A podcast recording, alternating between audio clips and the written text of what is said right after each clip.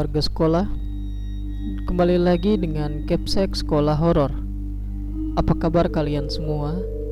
Semoga baik-baik saja Di episode Sekolah Horor kali ini menceritakan tentang Kemah Sekolah bagian ke-1 Cerita ini bersumber dari akun Twitter @otwjanda.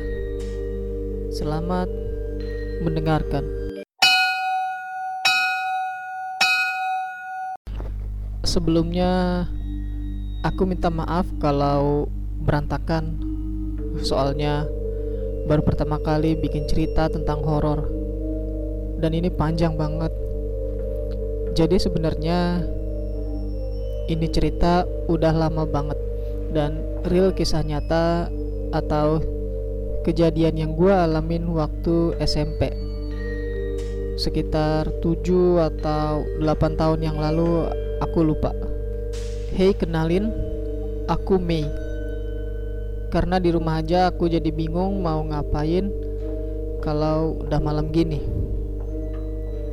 Dan gak tahu kenapa aku pengen nulis pengalaman yang pernah aku alamin waktu SMP Sebenarnya aku agak lupa alurnya, hanya setengah-setengah aja yang aku ingat.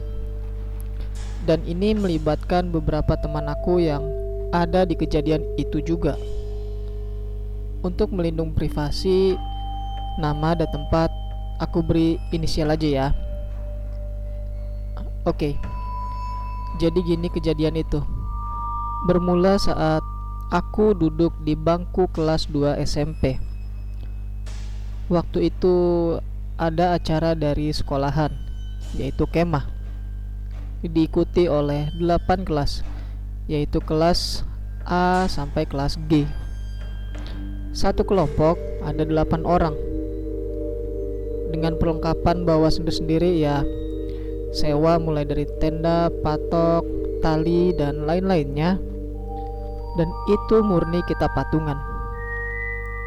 Kadang Setiap hari Minggu sebelum kemah, kita kumpul untuk cari bambu untuk buat patok. Ya, sedikit ngirit soalnya patok dari besi kalau sewa ngitung per bijinya bakal mahal. Hari itu kita berangkat pakai truk dan pick up. Rombonganku kebetulan dapat yang pick up dan jaraknya lumayan jauh, kurang lebih satu jam dari kota. Oh ya, kita kemah di salah satu rest area di Kabupaten G. Dan rest area ini tergolong sepi soalnya berdekatan sama hutan yang dilindungi dan menjadi salah satu cagar alam di kabupaten tersebut.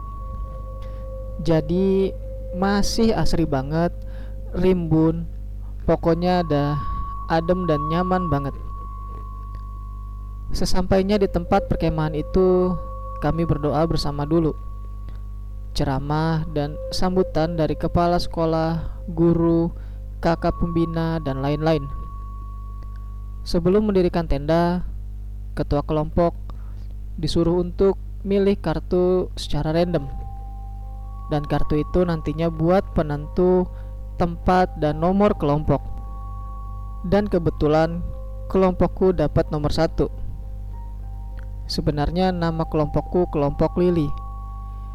Tapi karena baru kemah semua kelompok harus pakai angka.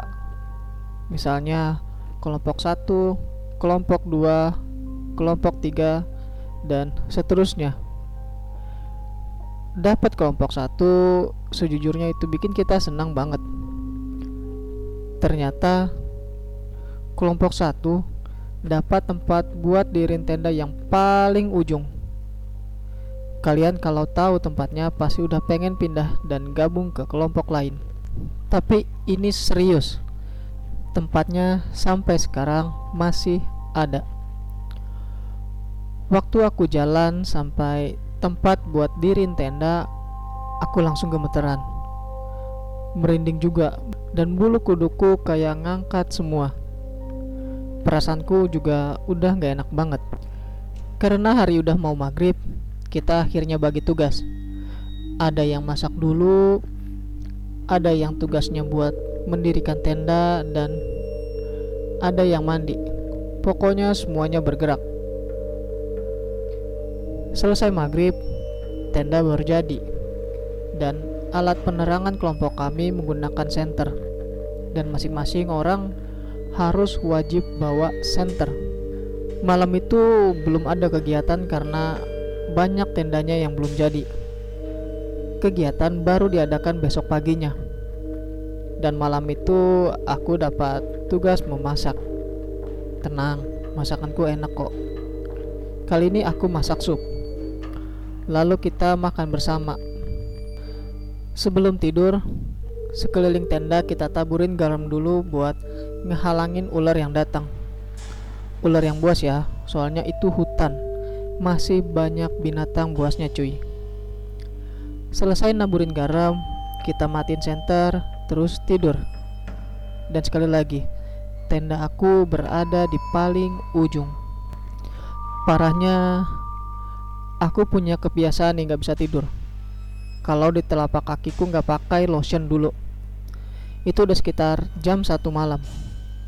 Waktu aku pakai lotion, nggak tahu kenapa terpal yang di atas tenda tuh gerak-gerak terus. Kalian tahu kan terpal? Terpal itu lapisan atas tenda yang tahan air. Jadi waktu hujan tuh biar nggak ngerembes ke dalam tenda gitu airnya dan aku tidur paling ujung, sedangkan semua temanku udah pada tidur. Aku buka resleting yang paling pojok buat ngecek hujan apa enggak. Soalnya anginnya kenceng banget. Mau masukin sepatu juga. Takutnya kalau hujan, waktu aku buka resleting angin itu udah nggak kenceng lagi. Aku langsung merinding dong Aku langsung tutup resletingnya dan berusaha gimana caranya untuk tidur. Tapi parahnya, sampai jam 3 aku masih nggak bisa tidur. Dan aku mencoba dengan cara main game Snack Senja or apalah itu di HP Nokia jadulku. Waktu aku game, tiba-tiba aku mendengar suara.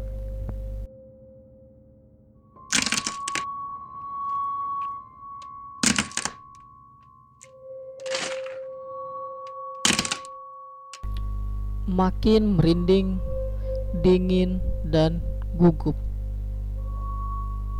Suara orang jalan, aku yakin banget, dan itu arahnya dari hutan mau ke tendaku. Oh ya, jalan menuju hutan di dekat tendaku itu nggak boleh dilewatin ya. Jadi tendaku itu udah paling ujung.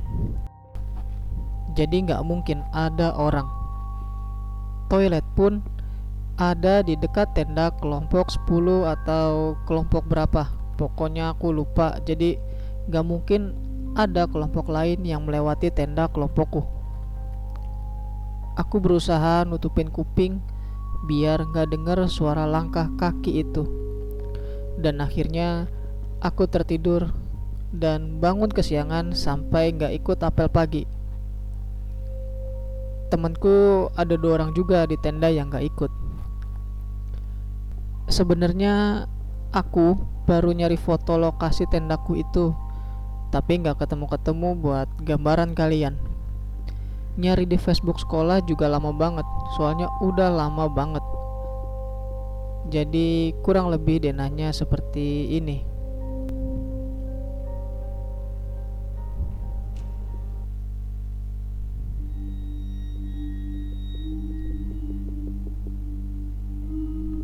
Mohon maaf kalau gambarnya kurang jelas. Aku cari di Google pun hanya tampak rest area bagian depan aja. Kelompokku berada di sebelah kanan bersebelahan sama sumur tua dan hutan. Langsung aja ya, hari pertama kemah kami mengikuti kegiatan outbound. Yang jaga tenda si A dan si N Kegiatan outbound berlangsung dari jam 10 pagi hingga 12 siang. Selesai isoma, kegiatan dilanjut pukul setengah dua hingga jam 5 selesai kegiatan kami langsung antri untuk mandi. Dan bagi yang muslim diwajibkan mengikuti sholat maghrib berjamaah di pendopo. Selesai sholat kelompok kami melanjutkan untuk makan malam ternyata di tenda sudah ada orang tua si A yang datang menjenguk si A dengan membawa banyak makanan. Kita duduk berjejer gitu sambil menyantap makanan dari orang tua si A. Di tengah-tengah makan, ibunya si A bilang, "Itu siapa? Anak kecil yang di belakangmu?" Bayangin gak? Suasana langsung hening. Si A pun menjawab, Siapa sih mak? Badannya kecil-kecil semua ini. Ibu si A langsung diam dan menyuruh kita buat nyelesain makanannya. Perasaanku udah gak enak parah. Paginya si A bilang kalau ibunya ngeliat anak kecil Rambutnya sebahu Pakai baju putih Pucat Ngeliatin ibu si A terus Dan Ketika ibu si A pamit pulang, anak itu udah berada di ujung tenda dan berjalan menuju sumur tua. Ibu si A sengaja nggak ngasih tahu ke kami agar kami tidak takut. Hari kedua, kemah kegiatan kita adalah susur sungai. Outbound di sungai, tapi sayang Waktu itu aku dapat tugas jaga tenda bersama si N. Aku beresin di dalam tenda sedangkan temanku N mandi. Hingga beres-beres selesai, aku goreng tempe di dapur. Waktu goreng, aku ngeliatin sumur tua itu. Sumur tua itu dipenuhi lumut dan rumput liar yang udah tinggi-tinggi banget itu siang ya teman-teman. Sekitar jam sebelasan. Kemudian temanku datang nabok aku. Woi jangan ngelamun. Aku langsung kaget. Aku ngeliat rambut kayak kepala gitu di atas sumur itu.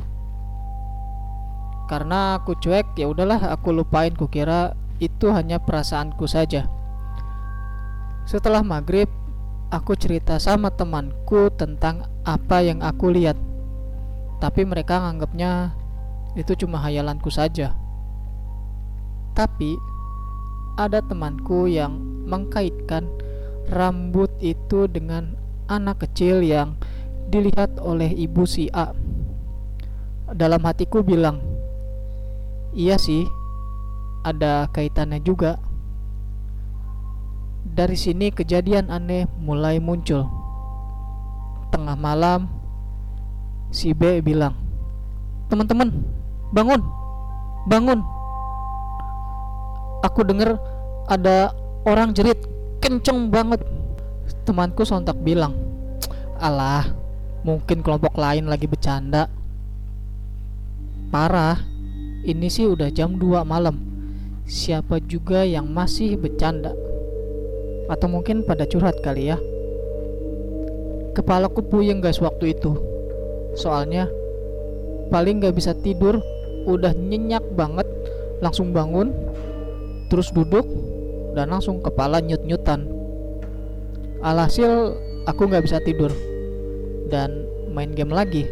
Snack Senja sambil Balurin hand body di telapak kaki Waktu asik-asiknya ngegame dari arah luar, aku dengar orang nangis. Tapi kayak samar-samar gitu. Soalnya barengan juga sama suara jangkrik. Samar kayak nangis sama kayak nyanyi. Tapi kalau menurutku sih itu suara orang nangis. Dan suaranya datang dari arah sumur itu juga. Jadi nggak bisa tidur sampai subuh temanku pada bangun tapi aku nggak cerita males juga karena belum tentu mereka akan percaya